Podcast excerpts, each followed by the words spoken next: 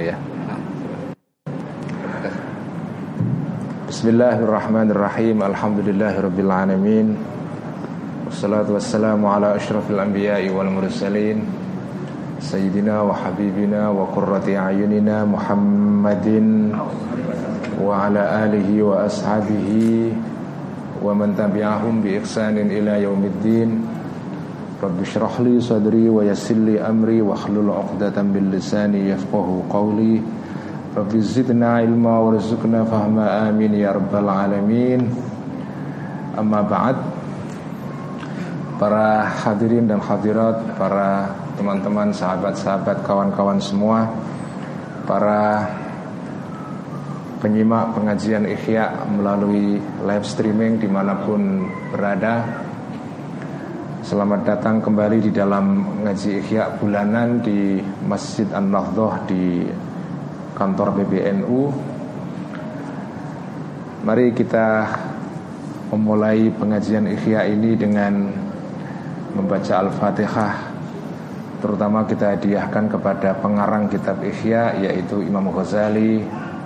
Kita hadiahkan Fatihah kepada para pendiri Nahdlatul Ulama Dan juga pendiri semua organisasi Islam yang ada di Indonesia para pendiri negara kita, para guru-guru kita, orang-orang tua kita, saudara-saudara kita, teman-teman kita yang sudah mendahului kita semua. Lahum jami'an al-Fatihah. A'udzubillahi minasyaitonir rajim. Bismillahirrahmanirrahim. Alhamdulillahirabbil alamin. Arrahmanir rahim. Maliki yaumiddin. Iyyaka na'budu wa iyyaka nasta'in. Ihdinas siratal mustaqim. Siratal ladzina an'amta 'alaihim ghairil maghdubi 'alaihim waladdallin. Amin. Bismillahirrahmanirrahim Qala al-muallif rahimahullahu ta'ala Wa nafa'ana bihi wa bi'ulumihi Fid darini amin Rabbi yassir wa a'in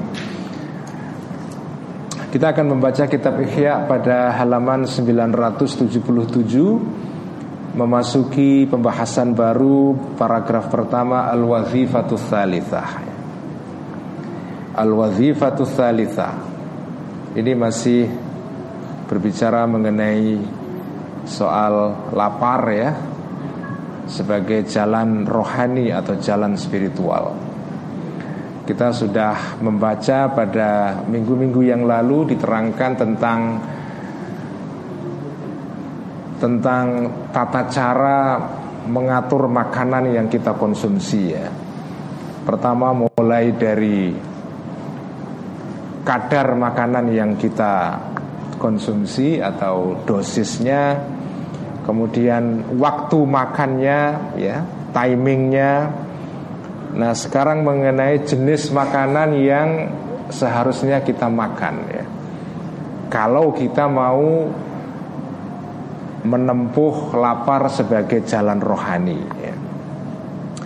Nah yang ketiga ini adalah mengenai soal jenis makanan ya makanan apa yang bisa kita konsumsi sebagai bagian dari perjalanan rohaniah ya. Al-wazifatu satu fungsi atau tugas atau uh, kewajiban atau tugas yang ketiga ya yaitu kewajiban kita terhadap diri kita di dalam perjalanan rohani ini dalam latihan rohani ini yaitu tentang adalah tentang finau ami di dalam jenis atau tipe makanan, jenis makanan ya. Watarkil idami dan meninggalkan lauk pauk ya. Makanan-makanan pendamping ya. Termasuk snack itu al idam ya. Jadi idam itu lauk tapi juga makanan-makanan tambahan ya termasuk snack, termasuk cemilan ya, itu itu masuk dalam kategori al-idam ya. Wa a'la ta'ami ya. Wa a'la ta'ami dan makanan yang paling tinggi tinggi menurut standar orang-orang sufi ini bukan setinggi menurut standar umumnya orang-orang yang suka wisata kuliner ya, bukan itu ya. Tapi ini makanan tertinggi menurut standar orang-orang sufi zaman dulu ya. Zaman sekarang mungkin sudah berubah. Zaman dulu itu adalah mukhul bukri uh, mukhul burri ya. Mukhul burri adalah bijinya gandum mukhul budri uh, burri uh, bijinya atau intinya bijinya gandum. Jadi gandum yang sudah dikupas ya diseleb dikupas uh, kulitnya kemudian ya isinya atau bijinya gandum itulah itu makanan yang paling tinggi. Karena ini kita bicara mengenai soal uh, jenis makanan atau makanan yang dikonsumsi di Timur Tengah ya di daerah Jazirah Arab. Di sana itu makanan tertinggi itu ya gandum. Ya. Kalau di sini ya beras rojo lele, ya lain ya. Kalau di sana itu paling tinggi itu al albur atau al hintoh ya. Albur atau al hintoh itu makanan kelas paling tinggi. Nanti di bawahnya itu ada namanya asyair. Asyair itu ya semacam beras tapi beras Arab. Ya, itu asyair. Jadi yang paling tinggi itu adalah gandum tapi yang sudah dikupas sudah diseleb lalu yang tertinggal adalah muhnya intinya yaitu bijinya yang inti itu. Fa'in nuhila fa'in nuhila ya. Fa'in nuhila jika diayak di apa ayak itu di apa disaring ya jadi uh, gandum ditumbuk, kemudian diayak, disaring, lalu yang tersisa adalah gandum yang paling halus karena itu nanti mau dijadikan sebagai apa? Roti, ya kan? Nah, roti itu roti itu kan makanan yang paling istimewa di daerah uh, Jazirah Arab di kawasan Asia daratan ya. Jazirah Arab, Persia, Turki, Pakistan, India itu kan makanan pokok yang paling tinggi itu kan memang roti ya. Roti itu. Nah, kalau roti di kita itu snack kategorinya kan ya, bukan makanan pokok. Tapi kalau di sana ini roti dan ro roti itu macam-macam. Ada roti yang kelas rendahan, kelas kere ya. Ada roti yang kelas ke orang kaya, ada macam-macam itu uh, level-levelnya. Jadi roti itu tidak satu jenis ya. Nah ini roti ini fa'in uh, gandum ini fa'in nuhila ya. Jika disaring diayak ya, fahuwa maka albur tadi gandum tadi itu adalah ghayatut tarafuhi. Itu puncak kenikmatan. Tarafuh itu artinya adalah ya kita apa? makan secara berlebihan. Jadi kalau makan gandum ditumbuk terus disaring, diayak sehingga yang yang kita peroleh adalah gandum yang paling istimewa kelas tinggi itu itu sudah kategorinya kalau menurut orang-orang sufi ya. Sufi-sufi besar zaman dahulu itu sudah itu wisata kuliner paling top itu udah ya. Royatu tarafuh itu. Dan se sebaiknya dihindari. Makanya kalau orang-orang sufi ini kalau makan gandum itu gandum yang kasar gandum yang ditumbuk tapi ya sudah ditumbuk gitu aja nggak usah diayak kemudian dicari yang paling halus gitu ya. Apa gelepungnya itu apa? Tepungnya itu loh ya. Bukan itu ya tapi yang kasar itu. Wa ausatuhu dan tengah-tengahnya makanan makanan kelas menengah ya. Maksudnya yang tidak kualitas tinggi. Jadi ada alat ta'am ini ausatu ta'am adalah syairun adalah beras ya jadi beras, maksudnya biji-bijian ya beras itu. Uh, beras ini beras yang uh, beras beras Arab ya, beras Arab yang itu uh, kalau di sana orang makan syair itu kategorinya orang yang bukan orang kaya, bukan orang kaya. Jadi makanan yang kelas tengah adalah syairun beras manhulun yang disaring tadi itu, diayak itu. Wa adnahu dan makanan paling rendah ya, Syairun adalah beras lam yunkhol Yang tidak diayak atau disaring itu. Inilah jenis-jenis makanan di dalam uh, praktek orang-orang yang ini sufi-sufi yang menjadikan lapar sebagai jalan spiritual ya.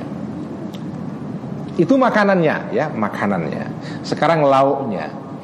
Wa a'lal udmi dan lauk yang paling kelas tinggi ya ini kelas tinggi menurut orang-orang sufi adalah Allah daging wal halawatu dan dan manisan. Maksudnya ya apa semacam uh, semacam topping kalau kalau kita makan apa itu makan mak, apa makan salad atau apa itu ada toppingnya ada pendamping daging itu. Jadi yang manis itu jadi itu itu sudah kelas tinggi sekali. Daging plus pendampingnya yaitu cocolannya apa uh, sausnya. Al halawah itu sausnya kira-kira ya. Sausnya yang manis itu. Itu sudah kelas tinggi. Hanya dua jenis saja. Nah, kalau makanan padang ini nggak masuk nggak masuk skema di sini ini. Lu kelas tinggi banget itu ya. Karena makan di warung padang itu banyak sekali jenis-jenisnya. Jadi dua saja daging sama sausnya ya sausnya. Itu paling tinggi. Wa dan paling rendahnya al udem ya lauk ini adalah al milhu garam ya. Wal khallu dan dan cuka. Apa ya cuka tahu ya cuka ya jadi garam dan cuka. Itu yang paling rendah. Inilah tradisi makanannya orang-orang sufi zaman dulu. Tetapi ini sebetulnya bukan orang-orang sufi saja. Sebetulnya seperti sudah kita baca sebelumnya ya Inilah lifestyle Gaya hidupnya orang-orang pada generasi awal Islam. Sebelum orang-orang Islam itu menang secara politik Kemudian mereka menikmati kekayaan yang luar biasa jadi ini patut kita ingat sebetulnya ya. Jadi orang-orang Islam zaman generasi awal dulu itu begitu sederhananya hidupnya itu. Dan ini kesederhanaan yang merupakan pilihan bukan kepaksaan. Bukan pilihan karena ya sahabat-sahabat Nabi itu kan sebagian orang-orang kaya sebetulnya. Tapi mereka memilih jalan hidup yang sederhana. Nah inilah jenis makanannya itu ya. Jenis makanannya begitu sederhana. Karena itu kalau kita baca misalnya hadis-hadis Nabi itu banyak sekali hadis-hadis yang mengkritik ya, mengecam masjid yang di apa dibangun dengan ornamen dengan hiasan yang berlebihan. Itu sangat dibenci. Jadi kehidupan awal generasi Islam itu begitu sederhananya dalam semua aspek, dalam bangunan, dalam uh, pakaian dan juga dalam makanan. Nah, ini saudara-saudara ya, sejarah seperti ini itu perlu kita ingat sebetulnya. Makanya saya suka ngaji ihya bagian ini meskipun agak agak agak kecil sekali sebetulnya ya. Karena membaca ini itu wah kita kok masa bersalah terus semua ini ya. Ini kan hidup yang sederhana banget. Tapi menurut saya ini perlu kita kenang karena kita hidup di era yang sangat-sangat berlebihan. Kita itu sekarang hidup di dalam era yang ekstrim dalam semua hal. Dalam makanan, dalam pakaian, dalam uh, papan Maksudnya dalam, dalam rumah yang bangunan yang kita diami Di dalam hiburan, dalam semua hal itu sekarang penuh dengan hal-hal yang ekstrim ya, Yang berlebihan. Nah tentu saja bukan berarti kita meninggalkan secara drastis gaya hidup sekarang ini bukan begitu tapi minimal kita kontrol diri ya. Kita bisa mengontrol diri mengingat gaya hidup orang-orang generasi Islam pertama. Nabi sahabat tabiin dan tabiut tabiin. Ini tiga generasi pertama Islam yang patut terus menerus kita kenang terutama dalam hal gaya hidupnya. Ini sederhana sekali ya Ya meskipun setelah generasi tabiut tabiin orang Islam udah berubah total. Yang seperti dikatakan oleh sahabat uh, Muad bin Jabal ya, kot hoyartu. Kalian sudah berubah semua.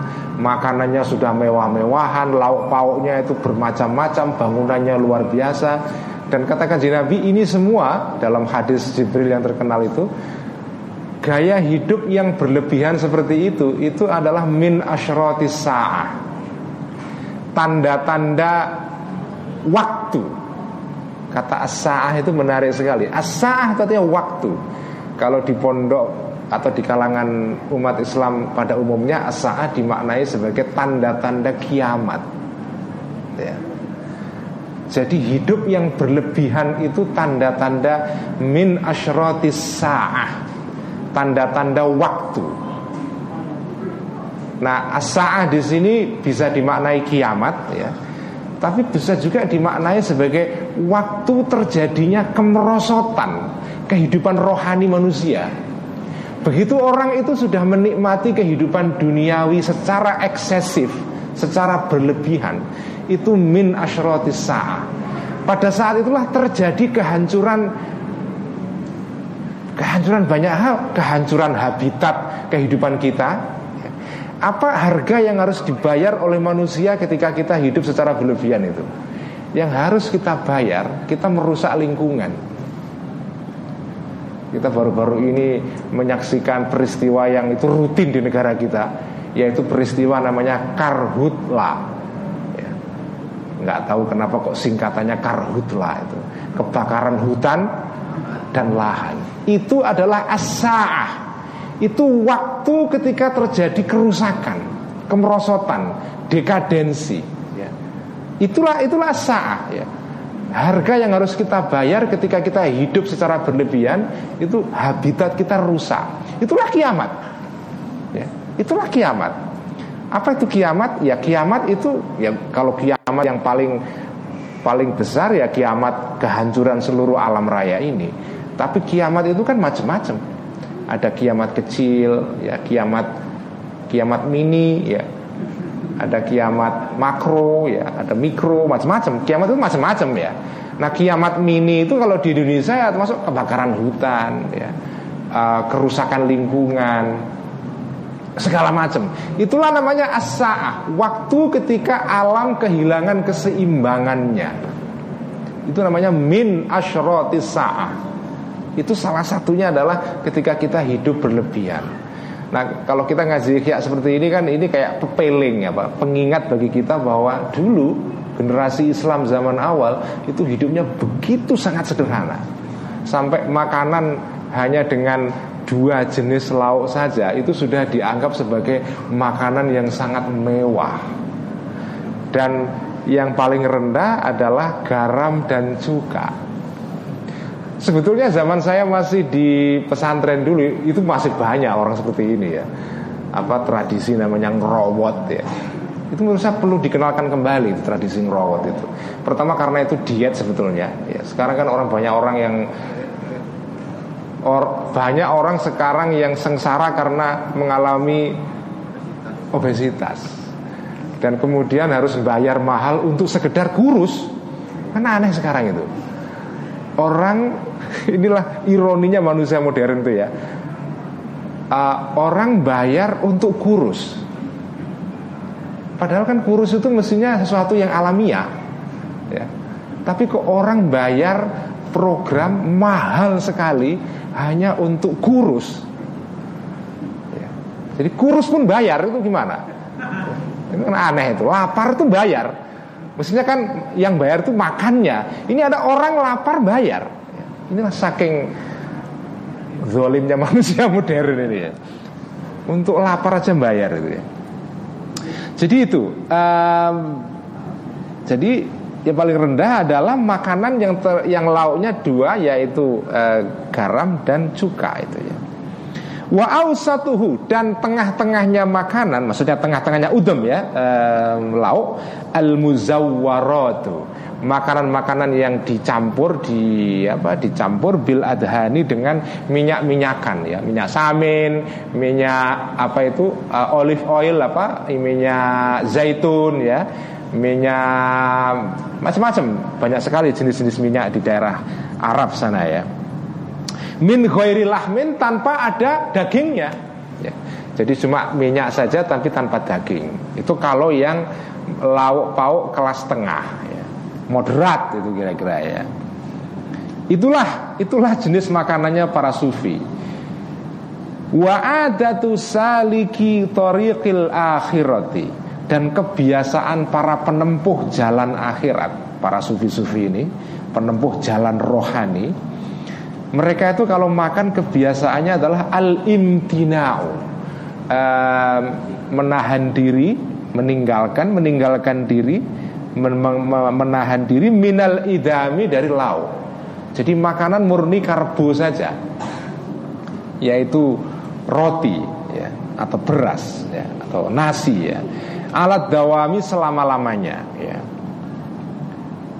Balil imtina'u bahkan menahan diri anis syahwati dari semua jenis kesenangan ya. Inilah jalan para penempuh tariqul akhirah jalan eh, jalan akhirat ya. Kenapa mereka menahan diri tidak tidak memenuhi syahwat atau kesenangan nafsu ya. Fa inna karena sesungguhnya setiap hal yang lezat, yang enak ya.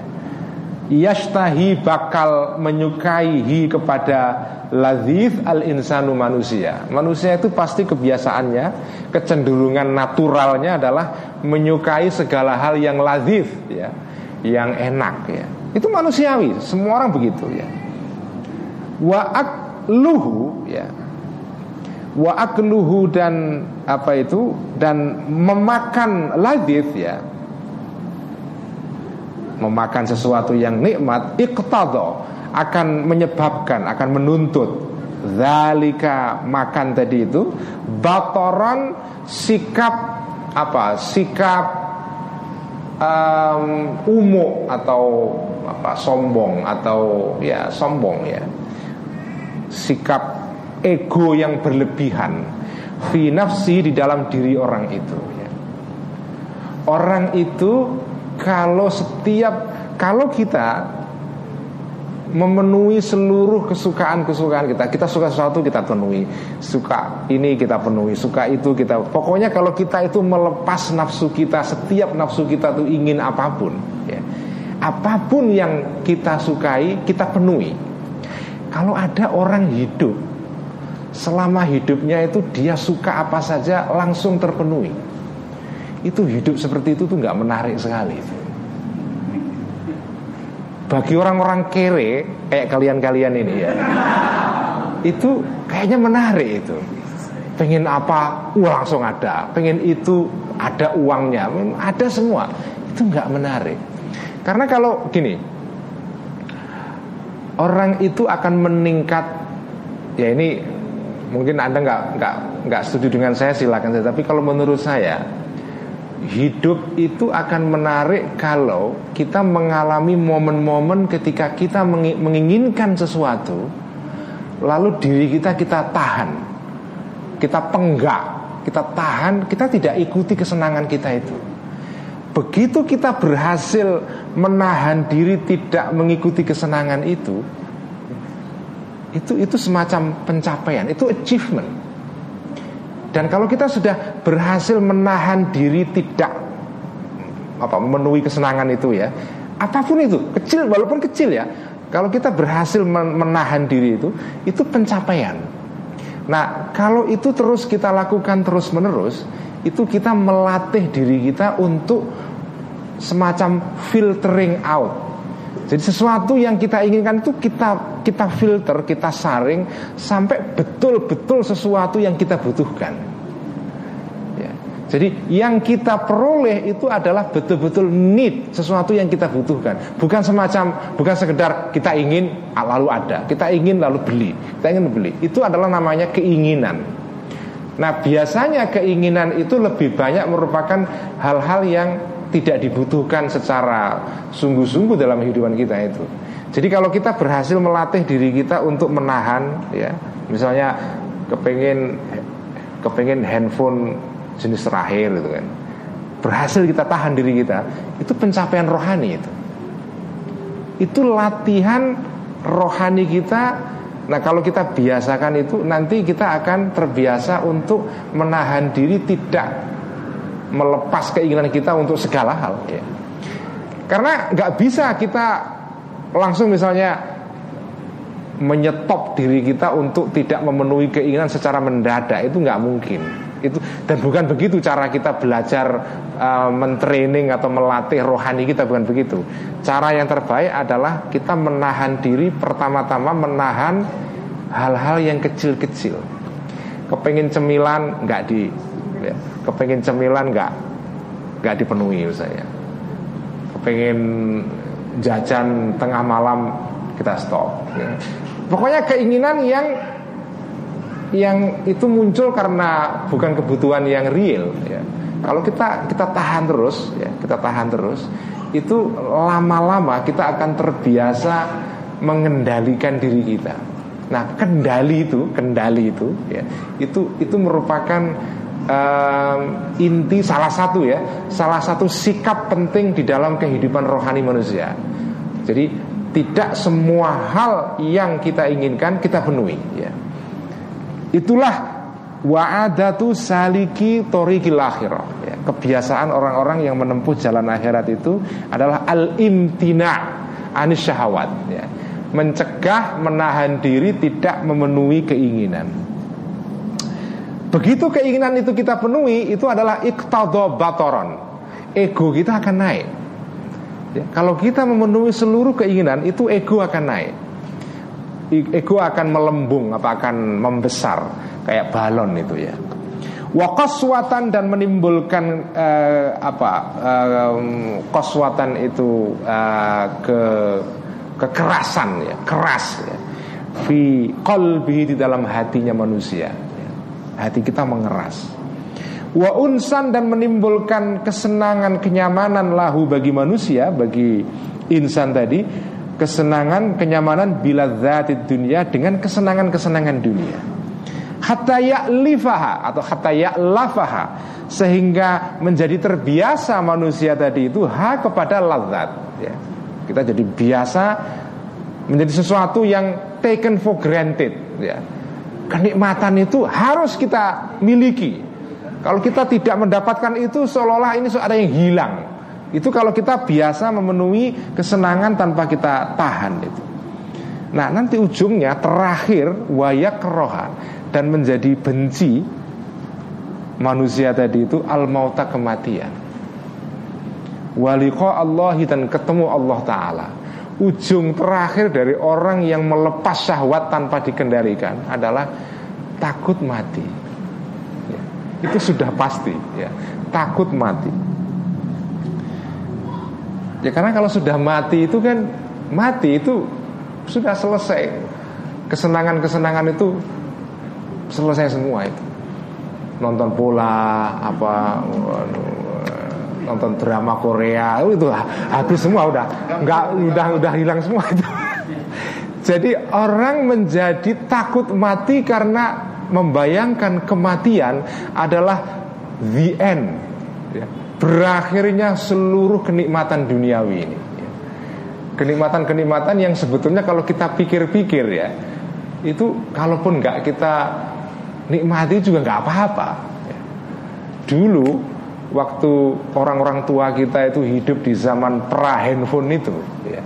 pra televisi pra macam-macam itu ya oke-oke saja kok tidak ada handphone, tidak ada WhatsApp, tidak ada Facebook, tidak ada Twitter, nggak ada Instagram ya. Ya oke-oke saja mereka jalan ya. Nggak soal, mereka juga bahagia itu kan. Tapi sekarang kan seolah-olah asyahwat ini, kesenangan-kesenangan ini seolah-olah itu menjadi bagian dari diri kita yang hakiki. Ya kan? Kalau keluar rumah sekarang ini kita nggak bawa handphone, itu kita seperti kehilangan diri kita. Lebih baik kehilang apa? Lebih baik keluar rumah tidak bawa istri daripada nggak bawa handphone. itu kan prinsip sekarang itu. Jadi sekarang handphone itu sudah kayak jadi bagian dari kedirian kita yang hakiki itu kan ironi banget itu kan. Makanya nah pentingnya teman-teman semua ya ngaji ya ini bagi saya pentingnya adalah cobalah sekali-kali kita itu mengambil jarak dari itu semua. Kita ambil jarak dari itu semua, lalu nanti kita lihat hidup kita jadi normal atau tidak. Ya, kira-kira ya. Kita kita coba itu, kita kita kita uh, pause sebentar, berhenti sebentar, semua asyahawat itu. Nah, asyahawat sekarang ini menurut saya asyahawat modern yang paling penting sekarang ini itu adalah ya udah itu gadget itu. Gadget itu adalah syahwat modern itu. Coba misalnya kita tahan saja beberapa jam lalu nanti misalnya kita latihan satu jam ya satu jam tidak ngecek Facebook. Nah. Kalau berhasil kita tingkatkan dua jam. Berhasil kita tingkatkan tiga jam. Ya, terus begitu.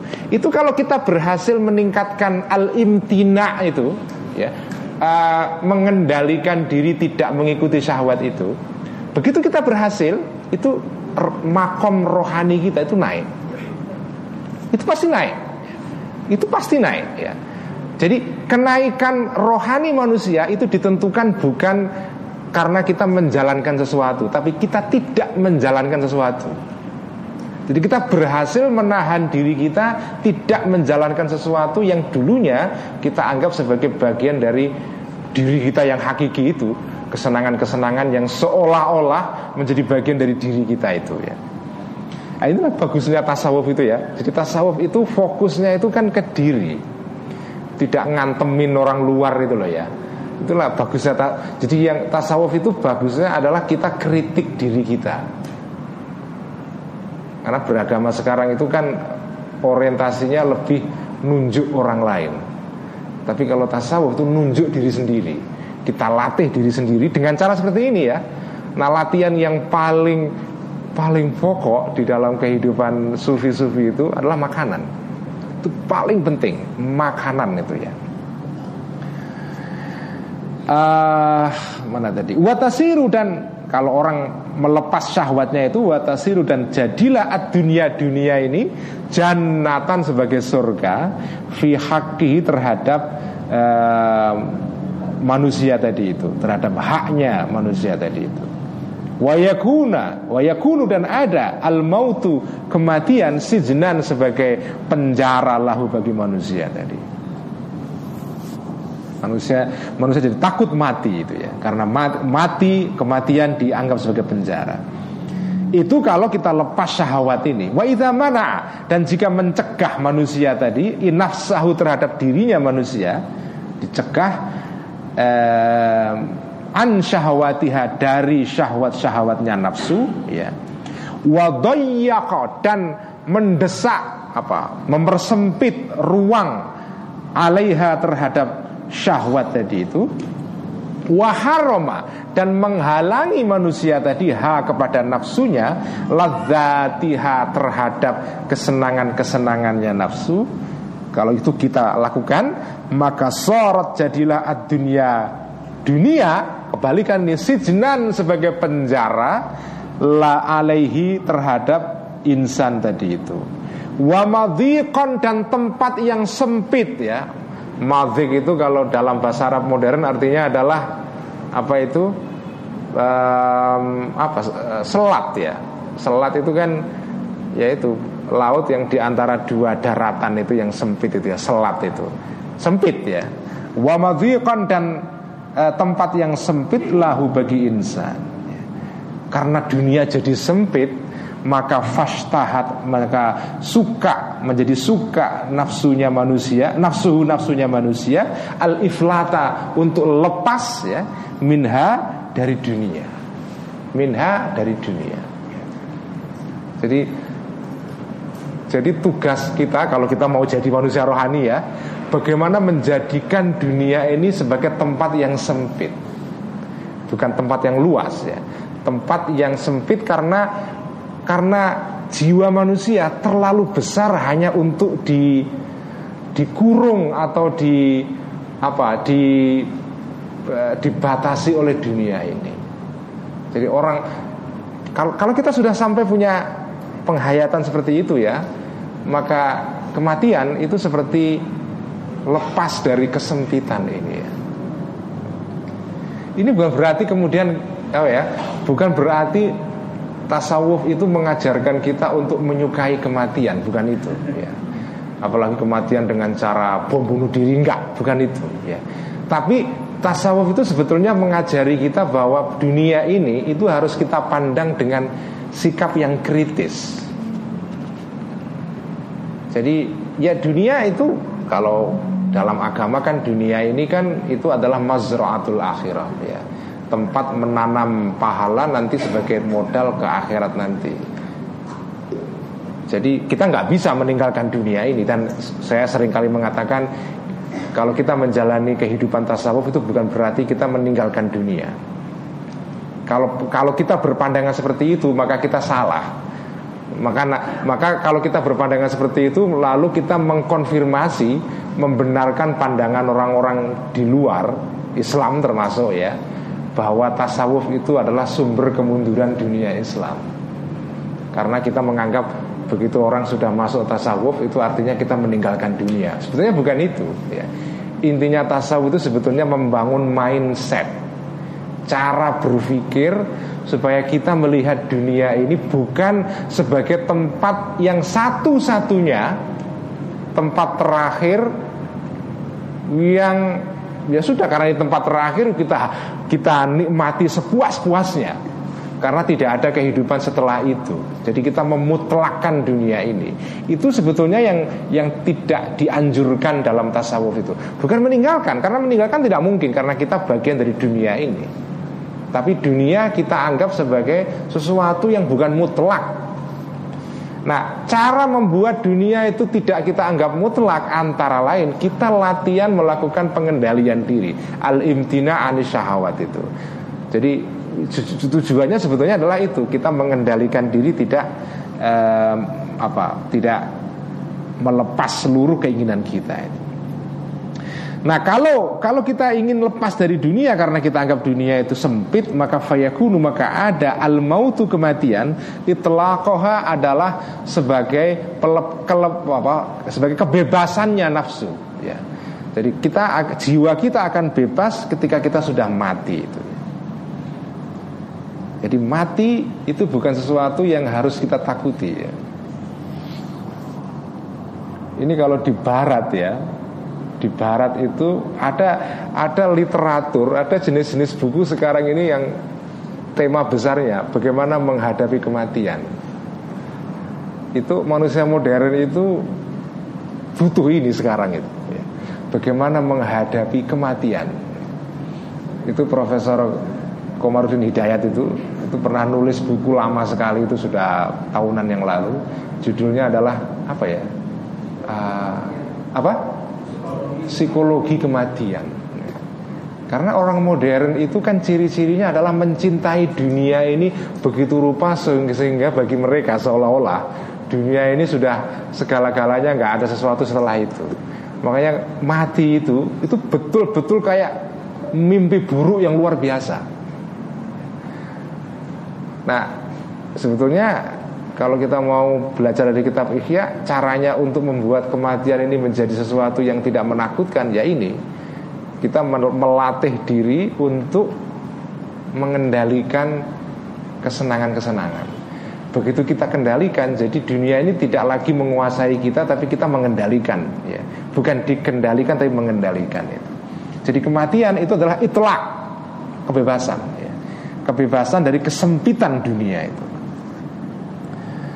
Wa ilaihi dan kepada ini ya kepada ajaran tentang kematian sebagai kebebasan ya. Jadi mati itu adalah jadi kematian adalah kemerdekaan. Jadi ini beda dengan kematian ala kaum teroris itu ya. ya.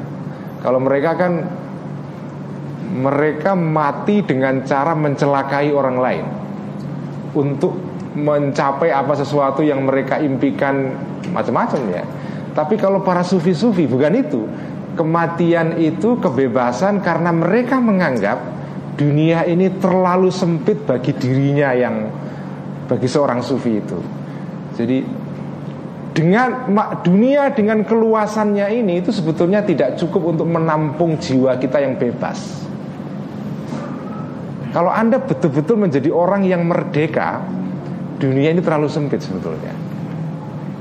Samalah dengan orang contoh sederhananya adalah orang yang punya kesibukan yang luar tugas-tugas yang menyibukkan dirinya ya, itu 24 jam itu seolah-olah terlalu pendek. Kalau kalau dia diberikan pilihan, dia kepingin hari itu bisa 40, 50 sampai 100 jam. Itu para kiai-kiai yang kiai-kiai yang apa dakwah hampir setiap hari, setiap jam pergi menemui umatnya di mana-mana. Orang seperti Kiai Said Agil Siros itu kalau misalnya diberikan pilihan oleh Allah gitu, mau nggak seandainya sehari itu 100 jam? Itu mungkin mau. Karena tugas-tugasnya terlalu banyak untuk dimuat hanya dengan 24 jam. Bagi orang-orang yang jiwanya besar dan merdeka 24 jam sehari itu terlalu sempit Bagi orang-orang yang jiwanya kecil dan kerdil 24 jam itu terlalu lama banget ya. Bagi orang yang kerdil jiwanya Bagi orang-orang yang jiwanya besar Dunia dengan keluasannya ini Itu sempit sekali Sempit sekali ya. Makanya bagi mereka kematian itu kebebasan dari ruang yang sempit ini, sumpah sempit dan ya segala macam. Jadi kematian adalah al-itlaq ya, kebebasan itu ya. Tapi ini saudara-saudara ya, ini ini teori. Anda nggak bisa meyakini atau menghayati ini kalau Anda nggak melatih diri sehingga Anda punya penghayatan saya ulang terus menerus sekali, sekali selalu, selalu saya ulang ya tasawuf itu 90% pengalaman 30 10 persennya itu hanya teori jadi yang anda baca di Ihya ini ini hanya sebagian kecil saja dari bertasawuf. 90% selebihnya anda harus praktek sendiri. Kalau ini belum menjadi praktek dan penghayatan diri kita ini hanya ini kayak teori saja. Orang cerita tentang cara bermain bola ala Lionel Messi. Cerita saja, Anda nggak bisa merasakan apa-apa sampai kamu pelatihan bola dengan sungguh-sungguh, sampai kamu tahu betapa betapa ya susah main bola itu gitu loh. Jadi kalau anda tidak menjadikan ini sebagai pengalaman ya ini hanya teori saja, nggak nggak nggak menarik sebetulnya ya. Wa ilahi dan kepada ini tadi al mautu sebagai ma maut atau mati sebagai kebebasan al isyaratu isyarah ya atau isyarat bi qauli Yahya bin Muadzin dengan ucapannya uh, ini tokoh sufi besar Yahya bin Muadz ya. Ini salah satu tokoh sufi yang sering dikutip dalam Ihya ya Yahya bin Muadz yang hidup pada abad 3 Hijriah ya. Haitsu qala sekiranya mengatakan ya di mana dia mengatakan itu maksudnya itu qala ya uh, Yahya bin Mu'adz dia pernah mengatakan ini perkataannya. Ma'asyiras siddiqina wahai para orang-orang siddiqin ya. Jawwi'u anfusakum liwalimatil firdausi. Jawwi'u Laparkanlah diri kalian Anfusakum terhadap diri kalian semua liwali matil firdausi untuk menyambut perayaan surga al firdaus. Kalau kalian ingin menyambut perayaan festival ya selebrasi yang sesungguhnya di surga al firdaus maka jalan satu-satunya adalah bukan membunuh orang ini ilmunya, ini ini deradikalisasi ala tasawuf ini. Ya. Bukan dengan membunuh orang, tapi jauhiu anfusakum, laparkanlah diri kalian. Itu nanti kalian akan sampai kepada surga menikmati al-walimah, menikmati perayaan, menikmati resepsi ya Resepsi yang sesungguhnya adalah di Jannatul Firdaus di akhirat nanti dan jalan ke sana itu adalah lapar.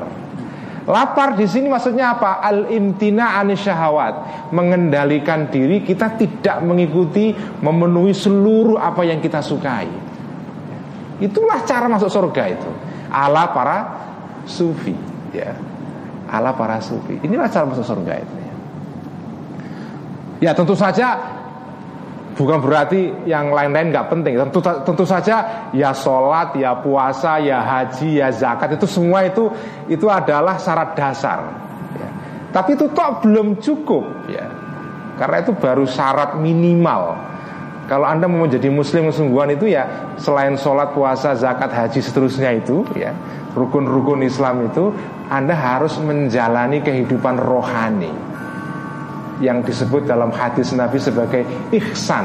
Nah, jalan ihsan menurut orang-orang sufi adalah ya ini lapar ini ya. Itulah jalan ke surga itu. Walimatul firdaus ya, resepsi di di surga firdaus ya. Ini kata-kata Yahya bin Mu'adz ya. Fa inna syahwatat ta'ami ya. Ini sudah bukan kata-kata Yahya bin Mu'ad tapi ini komentar Al-Ghazali ya.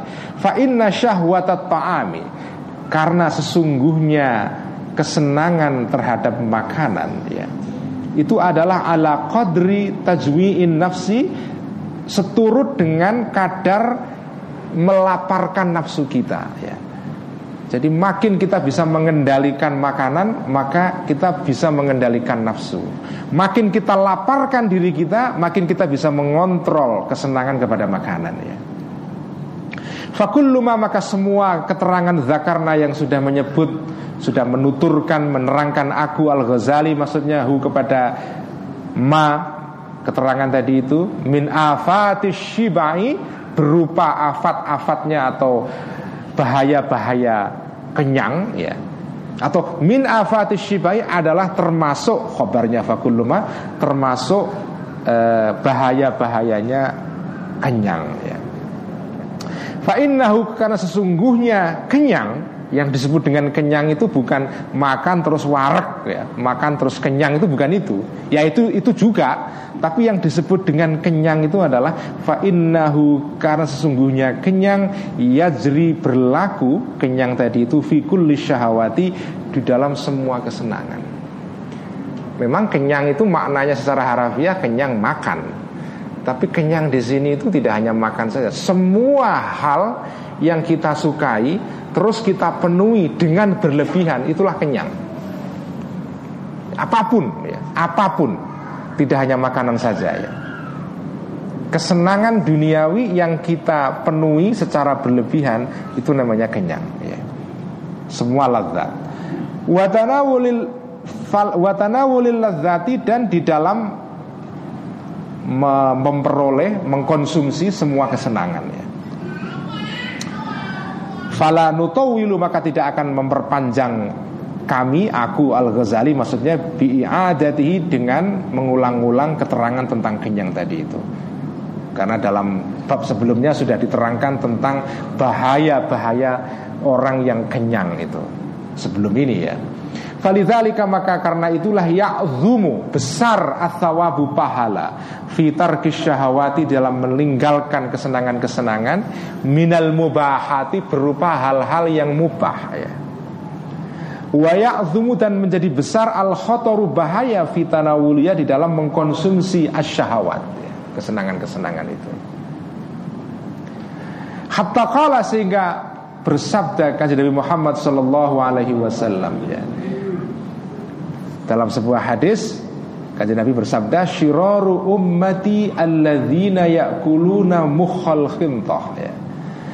Shiraru ummati Seburuk-buruknya umatku adalah alladzina orang-orang ya'kuluna yang makan orang-orang tadi itu mukhal khintati yaitu tadi biji atau bijinya gandum Al-khintoh itu adalah gandum yang kelas tinggi ya. Al-bur itu adalah gandum secara umum Tapi al-khintoh Al-khintoh itu adalah gandum yang paling paling berkualitas ya. Jadi inilah hadis Meskipun hadis ini menurut Imam Al-Iraqi di dalam Tahrijnya Ihya Di catatan catatan pinggirnya itu Dikatakan hadis ini Lam ajid lahu aslan ya jadi hadis ini tidak ada sanatnya dengan kata lain hadis palsu. Hadis palsu. Inilah yang biasanya menjadi alasan kenapa orang-orang salafi ya itu nggak suka kitab Ihya. Karena kitab Ihya memuat hadis-hadis yang palsu, yang maudhu ya, yang laisalahu aslun ya. Nah, saya ulang respon saya kalau ada orang bertanya seperti itu, responnya bagaimana ya. Jadi kita ya terutama yang ngaji ihya ini sebaiknya atau seharusnya husnudzon berbaik sangka bahwa tidak mungkin Imam Ghazali itu menaruh me, me, men, menulis ya memasukkan hadis dalam kitabnya sementara beliau tahu kalau itu hadis maudhu nggak mungkin. Ketika Imam Ghazali menuliskan memuat sebuah hadis dalam kitabnya ini itu karena beliau tahu itu hadis Adapun orang lain yang ahli hadis mengatakan itu hadis maudhu, ya nggak apa-apa. Karena kan ulama itu tidak semua ulama itu ahli hadis. Imam Ghazali itu bukan ahli hadis memang. Tetapi tidak mungkin beliau ketika nulis sebuah hadis dalam kitabnya ini Itu beliau tahu ini hadis palsu terus dimuat. Kalau begitu itu namanya bohong. Ya. Ketika beliau menuliskan hadis dalam kitab Ihya ini pada saat beliau menuliskan itu ya itu karena beliau tahu menurut keyakinan dia atau pengetahuan dia ini adalah hadis ya. Nah, kita sebagai pembaca kitab Ihya sekarang ini ya kita juga Selain berhusnudzon bahwa Al-Ghazali tidak mungkin menaruh hadis palsu Sementara beliau tahu itu palsu ya Itu kita harus husnudzon. Tapi kita juga tidak boleh juga mengabaikan Para ulama hadis yang memang ahli hadis. Jadi Imam Iraqi yang nulis takhrijnya hadis ihya Yang dimuat di catatan pinggir ini Beliau mengatakan ini hadis maudhu Nah kalau itu dikatakan oleh ahli hadis sebagai hadis maudhu Ya kita yang bukan ahli hadis kita tunduk saja. Karena itu kita tidak boleh meyakini ini sebagai hadis. Tetapi walaupun begitu ya, kita juga harus menimbang lebih jauh lagi. Memang hadis ini di dalam standar ilmu hadis mungkin hadis maudhu dari segi sanatnya. Tapi dari segi isinya Hadis maudhu dilihat dari segi isinya itu ada macam-macam. Ada hadis maudhu yang isinya jelas-jelas berlawanan dengan ajaran Islam yang lain. Nah kalau itu baik secara sanat maupun isi kita nggak bisa terima. Tapi ada hadis maudhu yang isinya tidak berlawanan dengan ajaran Islam yang lain. Nah, di sini saya mau mengatakan bahwa meskipun Imam Ghazali memasukkan hadis maudhu dan beliau tidak tahu itu maudhu dalam keyakinan beliau itu bukan maudhu ya tapi kalau menurut ahli hadis itu hadis maudhu hadis-hadis yang dikatakan maudhu para oleh para ahli hadis dalam kitab Ihya sepengetahuan saya tidak ada satupun yang berlawanan dengan ajaran Islam yang lain. Artinya dari segi isi itu tidak soal. Tapi kita tidak boleh menekatkan meyakinkan ini sebagai hadis. Dari segi isi bisa kita terima karena isinya hadis ini apa? Isinya kan soal menahan diri, mengendalikan nafsu. Apakah mengendalikan nafsu itu berlawanan dengan ajaran Quran? Ya, tidaklah. Apakah berlawanan dengan hadis Nabi yang lain? Jelas tidak. Memang spesifik ini memang ini bukan hadis, tapi isinya tidak berlawanan dengan ajaran Islam yang lain. Jadi itu sikap kita kalau menghadapi orang-orang yang iskal, orang-orang yang protes, ihya kok ada hadis maudhu'nya. Itu cara menyakip, menyikapinya begitu. Pertama, kita harus husnudon. Imam Ghazali ketika menuliskan hadis ini, beliau pasti beliau tidak meyakini ini hadis maudhu. Di dalam penilaian beliau, dalam pengetahuan beliau yang mungkin terbatas, ini hadis. Kalau beliau tahu ini bukan hadis, mau nggak mungkin beliau mengatakan ini hadis. Itu namanya bohong dan nggak mungkin Imam Ghazali bohong nggak mungkin ya. Ya nggak bisa kita mengatakan Imam Ghazali kok bagaimana bohong gitu ya. Artinya nggak mungkin lah orang sekelas Al Ghazali bohong mengatakan yang bukan hadis sebagai hadis itu kan nggak mungkin itu, nggak masuk akal ya. Mustahil aklan ya. Nah tapi dari segi sanat ya kalau penilaian para ulama hadis mengatakan mau itu ya kita ikuti saja Oke, ini bukan hadis, tapi isinya kita lihat dulu apakah berlawanan dengan ajaran Islam yang lain atau tidak. Kalau tidak berlawanan, isinya bisa kita pakai, tapi tidak kita tekadkan sebagai hadis. Ya. Tapi Al Ghazali meyakini ini hadis enggak apa-apa. Beliau punya pendapat sendiri. Ya. Kita husnudon ya. Mungkin kalau wali-wali itu kalau menilai hadis itu konon ya. Kalau wali yang sudah tingkat tinggi itu kalau menilai hadis bukan dengan cara ilmu hadis yang standar. Jadi dibaui kalau wangi hadis oh, oh kayak itu tapi ini ya tidak semua orang bisa percaya ya. Tapi ada orang-orang yang ngerti ini hadis sohe atau tidak berdasarkan baunya. Kalau hadis palsu itu baunya nggak enak.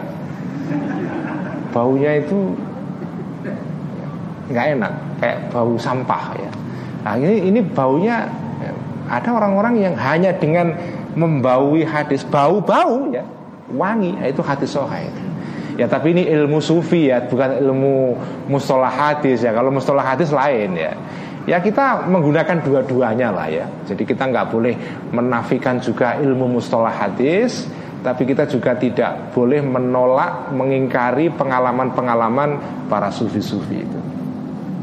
Nah hadis ini wahada dan hadis ini laisa tidak bitah tidak ya hadis ini bitah rimin merupakan pengharaman. Jadi itu bukan artinya haram makan gandum bukan begitu ya. Ini bukan pengharaman.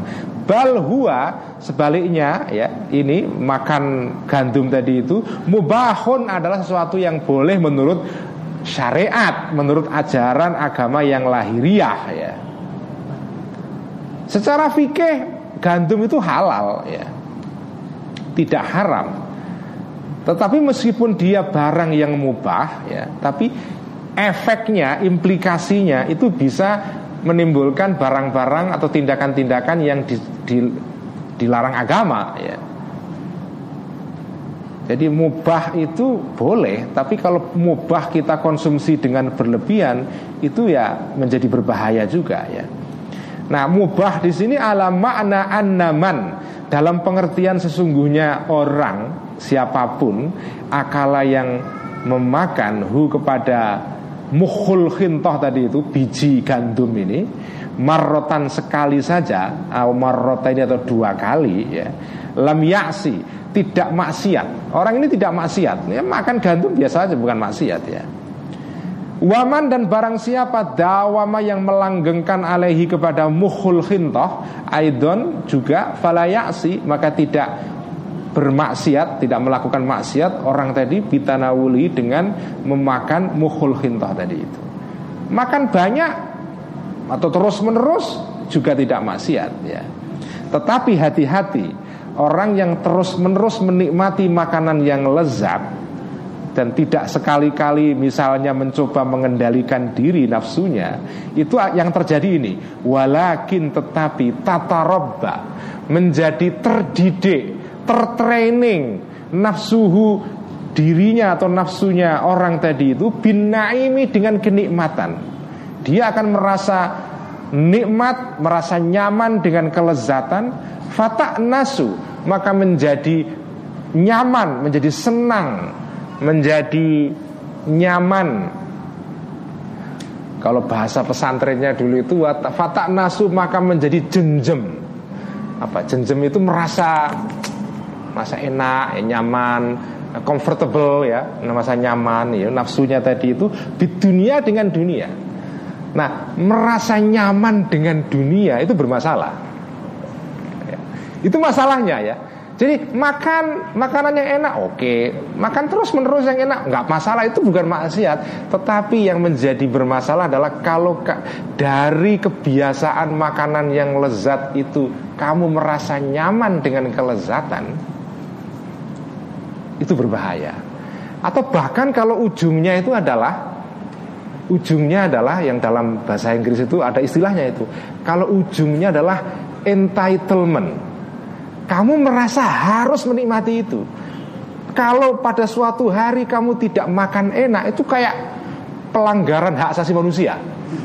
Nah, kalau kau sudah sampai kepada pengertian seperti itu bahaya banget itu. Seolah-olah kalau makan ya harus enak. Ya, kalau makan harus enak. Kalau sudah sampai kepada peng, pengertian seperti itu, ah, sudah itu. Itu itu secara rohani berbahaya sekali. Kalau ada orang merasa kalau makan harus enak, Pokoknya apa pun harus enak, nah itu berbahaya. Minimal ya orang yang seperti ini itu nanti kalau suatu ketika kok terjadi perubahan dalam nasib hidupnya, tiba-tiba ada kebangkrutan mendadak, entah karena terjadi default ya, nggak punya utang banyak sekali, terjadi krismon kayak tahun 97 dulu ada orang-orang yang dulunya kaya raya mendadak total bangkrut ya karena sudah merasa bahwa menikmati hidup itu adalah entitlement, kewajiban, keharusan. Kalau enggak itu kayak ini dosa ya. Kalau dia bangkrut itu sudah dunia kayak kiamat itu. Ya, dunia kiamat itu. Itu dulu pernah terjadi ketika di Amerika pernah terjadi apa ya? Pernah kan terjadi bubble atau orang wah, apa bisnis.com itu apa? Bisnis internet.com ya, .com. Apa apa apa apa .com ini .com ya. Uh, makanan.com ihya.com apa? Dulu kan ternyata terjadi itu tahun-tahun 2000-an awal jadi semua orang bersemangat untuk bisnis.com sampai terjadi bubble menjadi apa uh, berlebihan itu. Akhirnya jatuh crash. Itu banyak orang yang terutama dulu di Silicon Valley itu orang-orang yang dulunya menikmati kekayaan karena bisnis.com ini tiba-tiba karena crash orang yang semula kaya raya tiba-tiba menjadi gelandangan. Itu banyak di California dulu ya. nah orang yang merasakan hidupnya itu harus lezat harus nikmat tiba-tiba bangkrut udah selesai itu ya Makanya pada saat kita enak itu ya siap-siaplah kalau kita miskin mendadak misalnya ya. Itu kira-kira begitu pelajaran dari sini ya. Kita jangan merasa bahwa akan nikmat terus itu. Jadi watak watak lafu dan menjadi terbiasa nafsunya tadi Allah kepada kesenangan-kesenangan watas dan dan berusaha nafsunya manusia fitolabia untuk mengejar al-ladzat atau kenikmatan-kenikmatan tadi itu. Kalau sudah begitu maka fayajur maka akan menarik zaha kepada nafsu zalika semua tadi itu ilal maasi kepada kemaksiatan. Nah, kalau sudah begitu hasilnya fahuwa atau fahum maka orang-orang seperti itu syirorul ummati adalah seburuk-buruknya umat atau manusia. Jadi makan gandumnya sendiri per se itunya saja itu tidak maksiat. Tapi kalau dituruti terus-menerus ujungnya itu bisa maksiat. Jadi barang yang mubah secara hukum fikih itu adalah boleh dilakukan.